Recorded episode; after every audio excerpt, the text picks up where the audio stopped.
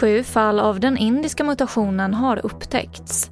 Livstidsdomen mot den bosnienserbiske befälhavaren Ratko Mladic står fast och uppblåsbar flytväst från Helly Hansen återkallas.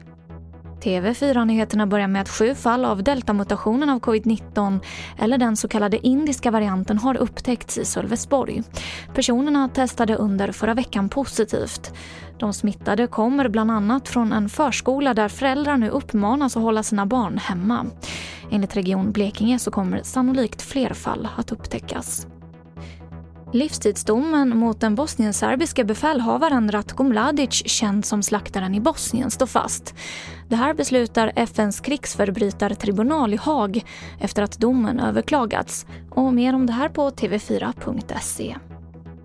Om man äter vegetarisk kost så minskar risken att drabbas av covid-19. Det här skriver British Medical Journal. Och det här gäller även de som äter vegetariskt och fisk. Anledningen är att kosten innehåller många vitaminer och mineraler som stärker immunförsvaret.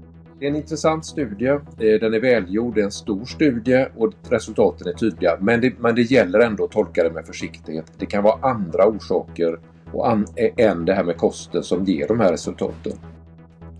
Det sa Magnus Gisslén som är professor och överläkare vid Sahlgrenska universitetssjukhuset.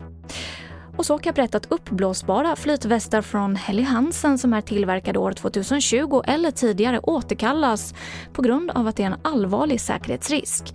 Risken att drunkna om en olycka skulle inträffa ökar om man använder den här flytvästen. Så de som har köpt den ska omedelbart kontakta företaget eller inköpsstället för åtgärd. Och det var det senaste från TV4 Nyheterna. Jag heter Emily Olsson.